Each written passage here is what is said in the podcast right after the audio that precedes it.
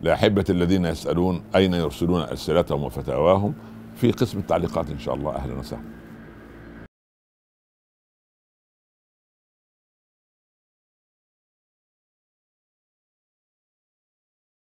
أحمد الله رب العالمين وصلاة وسلاما على الحبيب المصطفى صلى الله عليه وسلم. ثم ما بعد أحبتي في الله السلام عليكم ورحمة الله تعالى وبركاته. وبعد هذه هي حلقة الأسئلة أو فقرة الأسئلة في الإجابة عن تساؤلاتكم. بارك الله فيكم جميعا وجعلني وإياكم ممن يستمعون القول فيتبعون احسنه السؤال الأول إذا كان الله قد استجاب دعاء الشيطان فلماذا لا يستجيب لي؟ اولا سؤال طيب وجميل يعني حقيقة. هذا لإظهار مقدار فضل الله سبحانه وتعالى على خلقه. آه، إبليس وهو يعصي ويرد الأمر على الآمر ويرفض السجود لآدم ويرفض أمر الله سبحانه. والله سبحانه وتعالى يسمع منه ويستجيب له آه، هذا أمر في سابق علم الله أو في قدر الله الغالب. أما أنت أيها المؤمن الله يستجيب لك آه، يعني رعاية لمصالحك. قد قد قد يدعو الذي لم يرزق ولدا. أن يرزق بالولد. وبعدين يرزق بالولد يطلع ابن نوح. ف يعني لو عجل الله لك الشر استعجاله لك بالخير لضعت في الحياة. الله سبحانه وتعالى لم يستجب لسيدنا نوح بهداية ابنه ولا لرسول الله صلى الله عليه وسلم بهداية عمه أو أعمامه الذين لم يسلموا. ما أسلم من أعمام النبي إلا اثنان حمزة والعباس. فأنت مع قدر الله كن راضيا. والله يستجيب لك لمصلحتك ولا يستجيب لك لمصلحتك. يعني الأمر كله عائد لفائدتك أنت. لا تقارن نفس إبليس هذا استجاب الله له دعاء ولكن مخلد في النار وملعون ومطرود من رحمة الله. أما أنت على باب الله سبحانه وتعالى يستجيب لك مرة ويعني يعطيك مرة ويمنعك مرة لحكمة يعلمها هو. في مصلحتك أنت. السؤال الثاني. إذا ظلمني أحد بشدة فهل الحديث عنه غيبة؟ والله لا يحب الله الجهر بالسوء من القول إلا من ظلم. أنا أدعوك كأب وكمعلم لك قول يا ابني دع الأمر لله ودع الله ينتصر لك ودع الله ينتقم لك.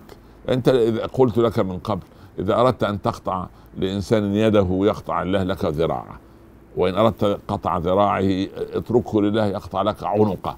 وخبره فدع الله ينتقم لك.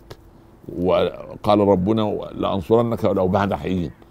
لكن إذا جاز أن أن تذكر مظلمة كبيرة وقعت عليك من هذا الإنسان من باب التشكي أو من باب القضاء أو من باب ال ال الاستشهاد أو أو أي شيء آه، يعني أنا لا أنا لا لا أؤيدك في هذا. يعني اجعل شكواك لله.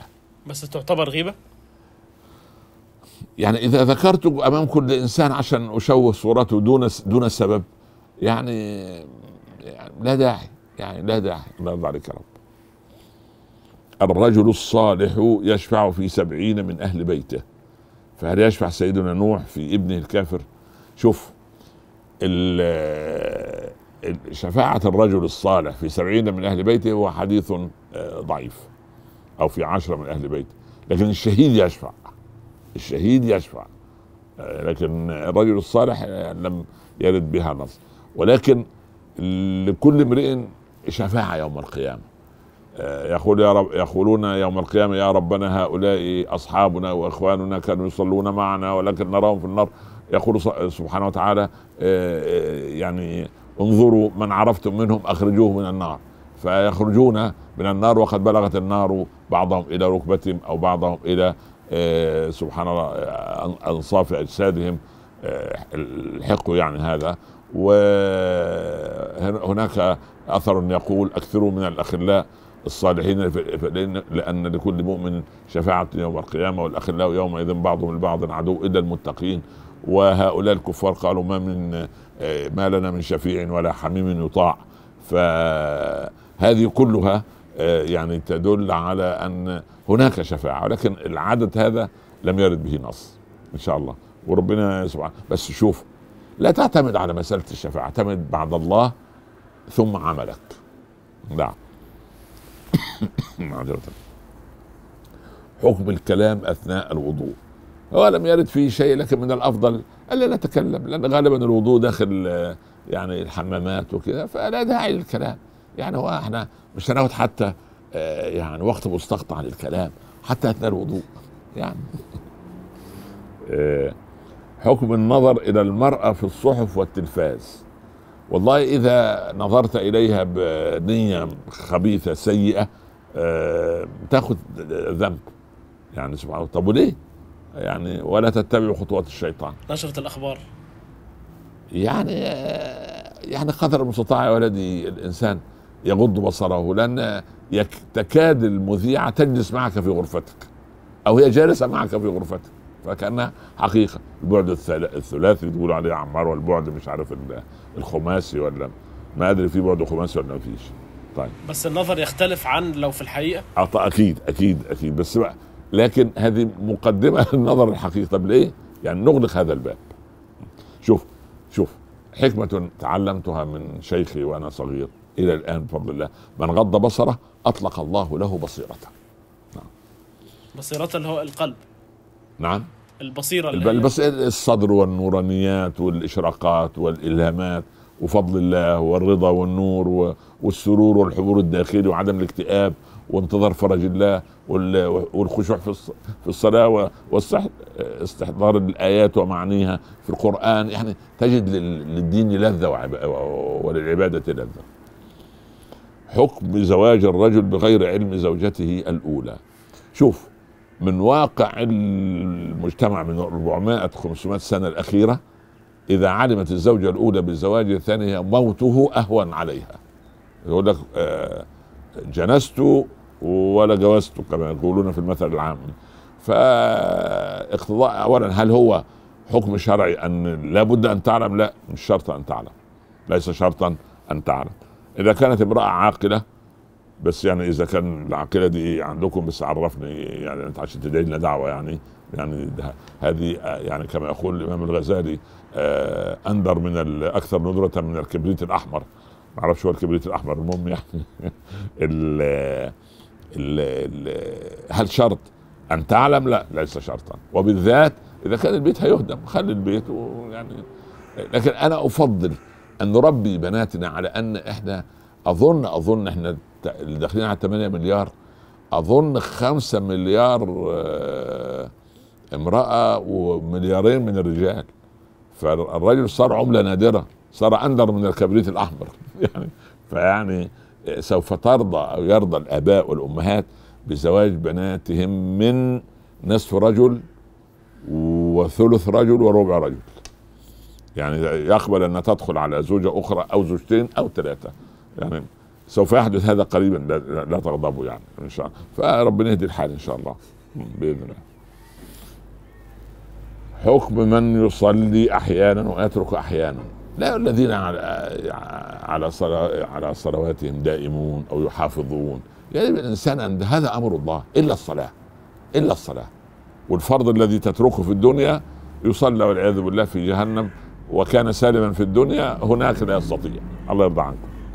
ومش بالحسبة إن الواحد صلى أكتر من لا ما فيش أكتر. ما فيش أكتر. انت عليك الصلاة كتاب موقوت في الوقت واللحظة والساعة الظهر الظهر وفي العصر العصر والمغرب مغرب والعشاء عشاء والصبح قبل الشمس. هذه أوامر الله لا نقاش فيها إلا الصلاة.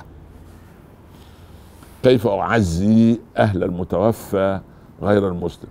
يا أخي أذهب إليه إذا كان جار أو صديق أو زميل عمل. أو حتى من الرحم يكون هي أسلمت أو هو أسلم وأهله لم يسلموا فنقول لهم اصبروا واحتسبوا وإن لله وأنا إليه راجعون على أساس انت نيتك يعني أن تسترجع. يعني عزي قول له ده حتى الأجانب أظن لما يعطس آه، إحنا نقول الحمد لله رب العالمين. ويقول sorry sorry ليه يا عم أنت؟ وأنت المهم يعني فأنا أقول أنه يعني قولوا اصبر واحتسب و آه، لكن بس هيك لغايه كده يعني تواسيه. يعني ربت عليه شد على يده آه، خليك صبور خليك كان راجل طيب. بس للأسف لا أدري أين ذهب هذا الطيب. مش أنت تقول كده يعني لا ده في نفسك. لماذا اختار الله سبحانه أسماءه العظيم في الركوع والأعلى في السجود؟ يا سلام ده سؤال ما شاء الله تبارك الله.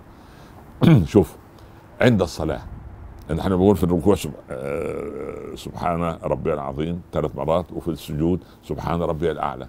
كأن الإنسان بذلته لله في الصلاة يستمد من عظمة الله وعلو آه، عليائه وعزته سبحانه وتعالى يستمد هذا العبد الضعيف المصلي من الله هاتين الصفتين. فإذا ركعت سبحان ربي العظيم وإذا سجدت سبحان ربي الأعلى تستمد هذا كما قال الحبيب لأبي بكر آه، رضوان الله عليه وصلى الله وسلم على سيدنا رسول الله. في الغار لا تحزن إن الله معنا نحن في معية الله الذي لا يرى فلن يرانا أحد الآن. ولازم أقل شيء ثلاث مرات. يعني هكذا سنة النبي صلى الله عليه وسلم. بس لو قالها مرة. لا لا لا تفسد الصلاة. ولكن لنكن يعني آه، وقافين عندما قال صلوا كما رأيتموني أصلي. لماذا يحاسب الكافر على كفره وهو مخلوق في بيئة الكفر؟ نعم هذا تقصير من المسلمين أن تركناه في هذه البيئة لم نوضح له الإسلام لا قولا ولا فعلا ولا عملا. هو لم يرى من المسلمين لا تقدما ولا أمانة ولا إخلاصا ولا آه، ثقة ولا لم يرى فينا الإسلام. رأى مسلمين ولكن لم يرى إسلاما كم من الواجب نريه الإسلام. لكن هو وإن نشأ في بيئة غير مسلمة له عقل وأمانة العقل تقتضي أن يفكر. وأنا الآن أقول من الثلاثين أو أربعين سنة الأخيرة مع الصحوة الإسلامية. ليس هناك واحد من السبعة مليارات لا يعرف عن الإسلام شيء. ده كله يعلم عن الإسلام ما, ما لا نعرفه نحن. نعم. وقد وضحنا هذا في درس من يومين ولا شيء لماذا يحرم على الرجل لبس الذهب؟ اولا هو حكم شرعي. الحرير والذهب حرام على رجال أمتي حلال لنسائهم. ثم فيها تشبه. ثم أمر توقيفي بأن نطيع الله سمعنا وأطعنا. ثم أن الذهب ولبسه علميا يؤثر. إحنا طبعا مش تحليل مش نقول فين الإعجاز لكن حقيقه يؤثر على كرات الدم الحمراء عند الرجل. ليه؟ لأن المرأة آه، عندها الطبقة الدهنية من أعلى والعضلات كده من أسفل. الرجل العكس. فبالتالي مفيش حاجز بينه وبين ذرات الذهب التي تؤثر على كرات الدم الحمراء ولذلك يؤثر لبس الذهب عند الرجل على مسح الذاكرة الزهايمر ولذلك الراجل عنده زهايمر أكثر من المرأة ما شاء الله عليها لا قوة إلا بالله. هي فاكرة وهي عندها 90 سنة سنة 1910 لما خطبها الحج محروس فاكرة كيف كانت نظرة أم زوجها لها. ما شاء الله تبارك الله ولا ولا تنسى لك يعني نصيبك مما آذيتها. يعني ما شاء الرجل عنده زهايمر مبكر. ربنا يهدي الحال ولكن حفظ القرآن وترداده يحافظ لك على عقلك إن شاء الله. يعني المهم قال الله آه، قال صلى الله عليه وسلم أن الذهب حرام في اللبس وفي الاستخدام. خلاص سمعنا وأطعنا. لكن هو إن كان له أسباب كثيرة علمية حقيقة في بحوث في هذا الأمر واللي بحثوه مراكز غير إسلامية يعني. حقيقة مضرة بالرجل. لماذا يعذب الأطفال المشردون من قلة الطعام أو قلة الدفء وهم طيور في الجنة ولا ذنب لهم في شيء؟ ولماذا يسمح الله بحدوث شيء كهذا؟ شوف آه الإسلام نزل دين نظام دين عام ما كان ليأخذ أخاه في دين الملك. الملك أيامها ما كانش له دين وإنما نظام الملك الدين نظام تمام؟ فمن ضمن النظام الله يرضى عن عمر بن الخطاب رضي الله عن الصحابة ورضي الله عن عمر كان يفرض كان بيفرض لكل فطيم مفطوم يعني عطاء من بيت المال. ولما سمع صراخ الطفل مع أمي احسني إلى طفلك يا أم آه، يا أم الصبي؟ فقالت ماذا نصنع؟ والله بيننا وبين عمر آه، لقد فطمت مبكرا فيبكي. فرجع عمر وأصدر قرار بأن كل مولود في الإسلام له عطاء من بيت المال. يعني إذا كان إخواننا في الإنسانية في الغرب بيفرضوا لكل ولد مبلغ معين فلماذا لا نكون نحن في حكوماتنا العربية والإسلامية والبلاد التي فيها هذه القيم والمبادئ. أن نفرض لكل مولود يكون تحت رعاية الدولة ثم تحت رعاية الأغنياء ثم تحت رعاية المؤسسات الاجتماعية ثم تحت رعاية ال ال ال الذين آه، يصنعون جمعيات خيرية ويو هؤلاء. فالخلل ليس في في مسألة كيف الله سبحانه لا كيف أن العباد نسوا عبوديتهم لله في رعاية هؤلاء. وليخشى الذين لو تركوا من خلفهم ذرية ضعافا خافوا عليهم فليتقوا الله وليقولوا قولا سديدا. أنتم بتسالون عن العرض وأنا بشخص لكم المرض. يعني في دولة معينة في الثمانينات حذرت في خطبة أن في 3 مليون طفل مشرد في الشوارع. فلو إحنا 3 مليون دي من الثمانينات خدنا بالنا منهم الآن الآن سبحان الله العظيم ال ال ال الولد ده اللي كان عنده ست وسبع سنين عنده الآن دخل على 30 سنة يعني أو أكثر يعني أو 40 فماذا صنعنا له؟ هل تنصحني بالزواج من غير سنية؟ لا بصراحة أنصحك بعدم الزواج. الله يرضى عليك. لا داعي. هي تتزوج تبع مذهبها وانت تزوج سنية ربنا يبارك فيك. يعني هو انت تنغيص في البيت و صعب الموضوع العيال يطلع عندهم شيزوفرينيا عقدية. يعني الله يرضى عنك. هل هناك أنبياء ورسل للجن؟ وهل الجن الصالح على ديننا وأركانه نفسها؟ وهل إبليس أول مخلوقات الجن؟ كده ثلاث أسئلة. طيب السؤال الأول هل هناك أنبياء ورسل من الجن لا. مع إن في آراء زي ابن حزم أو غيره يرى أن في رسل من الجن للجن. لأن الجمهور لا. آه أنا مع الجمهور في هذا الأمر. هل الجن الصالح على ديننا وأركاننا نفسها نعم. نعم. يعني سبحان الله آه إنا سمعنا قرآنا عجبا يهدي إلى الرشد فآمنا به وكان الرسول يذهب ويبلغ إخواننا من الجن. فالجن في مؤمن وفي كافر معروف وسورة الجن واضحة. وهل إبليس أول مخلوقات الجن لا مش أول مخلوقات الجن هو كان يبدو أنه كان له مقام في هذا الأمر أو رئاسة هذا العالم آه، في الجن يعني وأنه كان موجود في مسألة تبليغ الله سبحانه وتعالى وأمر الله للملائكة بالسجود لآدم وإن إبليس كان من الجن ففسخ عن أمر ربه أفتتخذونه وذريته أولياء من دوني وهم لكم عدو بئس للظالمين. بدلا. نعم هو من الجن. نعم. بس مش معنى إبليس هو اللي اتشهر فيهم يعني. لا مش شور هو له أولاد. يعني الجن هو إبليس هو الذي تشيطن. شيطن شطن يعني ابتعد. هو في الجن مؤمن وجن كافر. الجن الكافر ذرية إبليس. إبليس وذريته هو لما انحرف أنجب هؤلاء الأولاد الكفرة وهم ساروا على نهج أبيه. هل وردت جمعة مباركة أم أنها بدعة؟ هي وردت عند سيدة جوجل. يعني انتشرت فهي من باب التحية لكن كنت أفضل يعني أخي المسلمين بيذكروا نفسهم يعني بالجمعة أو غيره. آه، والله لو أن المسلمين تعاطفوا مع بعضهم البعض على قدر ما ترسل هذه الورود والرياحين والاثار كل يوم جمعة والمسبحة والبخور ما أعرفش إيه علاقة المسبحة والبخور يعني بال آه، بالأشياء دي لأن المسلمين كانوا يصيروا صحابة إذا كانوا بالتعاملات على على وسيلة الورد والكلام الطيب ده. لكن جمعة مباركة البدعة في العبادة وليست في العادة. لكن زي مثلا يعني بعض الناس في المساجد يقول حرما مثلا يعني هي لم ترد. ولكن رحمة الله على شيخنا الغزالي يعني وجد بجوارنا ولد يصلي شاب دون العشرين يعني 15 16 سنة. فالشيخ فرح بيه يعني ربط على كتفه وقال له وارده في مصر يعني حرما يا ولدي. قالوا لم ترد. قال طب وقلة أدبك هي اللي وردت؟ يعني الرد على الشيخ الكبير يعني ما كان يجب. هل يعتبر من مات بسبب المرض شهيدا؟ وما هي أنواع الشهادة؟ الغريق شهيد. والمبطون اللي عنده مرض مستعصي. الأمراض المستعصية التي تستمر واحد عاش 20 سنة عنده غسيل كلى أو عنده آآ آآ كانسر أو أو يعني أمراض من هذه الصعبة التي يحار الأطباء فيها إلى الآن.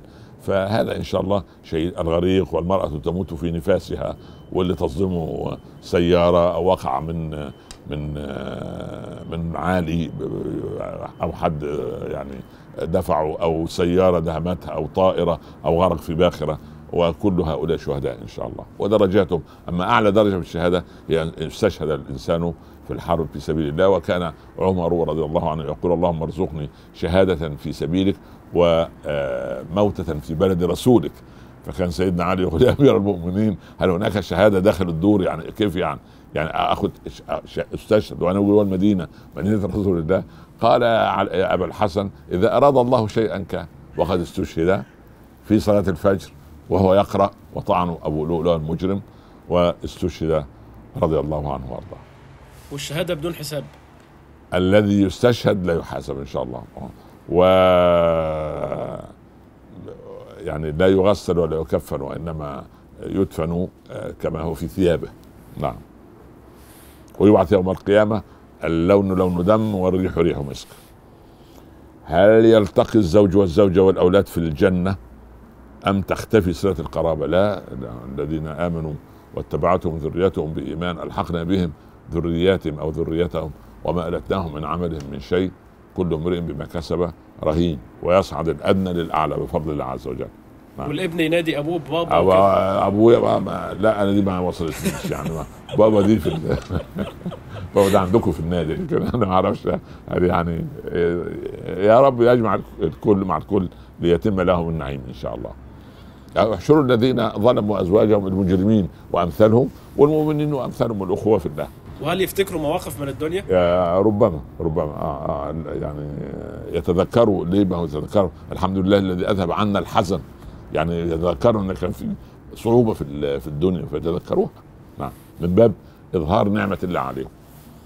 هل يلتقي الميت بأقاربه المتوفين بعد دفنه؟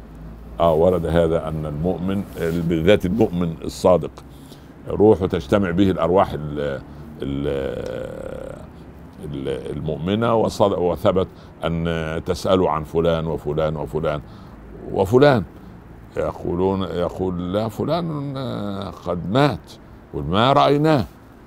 يقول آه يقول أهل العلم لقد ذهب إلى امه الهاوية. فدي النفس اللي بتحبس والعياذ في عالم البرزخ اللي يكون ظالمه في الدنيا فاسقة لا تصلي لما لا يجتمع مع الأرواح المؤمنة هذه. كان رواحة ابن سيدنا عبد الله بن أبي رواحة رضي الله عنه شهيد مؤتة آه، كان يأتيه أبوه في في الرؤيا. آه، يقول له يا ولدي أخزيتني بين أهل القبور اليوم. يعني إذا أخطأ خطأ يعني. كلما أخطأت خطا قال أبي لي في الرؤيا يا أبتي يا ولدي لما أخزيتني بين وكان يقول آه اللهم لا تخزيني سيدنا أبو الدرداء لا تخزيني أمام ابن خالي عبد الله بن أبي رواحة. قالوا يا يعني معقول يا أبا ذر يعني آه أن قال إن الميت لا يخزى بعمل الحي. يعني هو لا يؤثر عليه ولكن كأن الأرواح منتشرة في العالم هذا لترى. والله أعلم.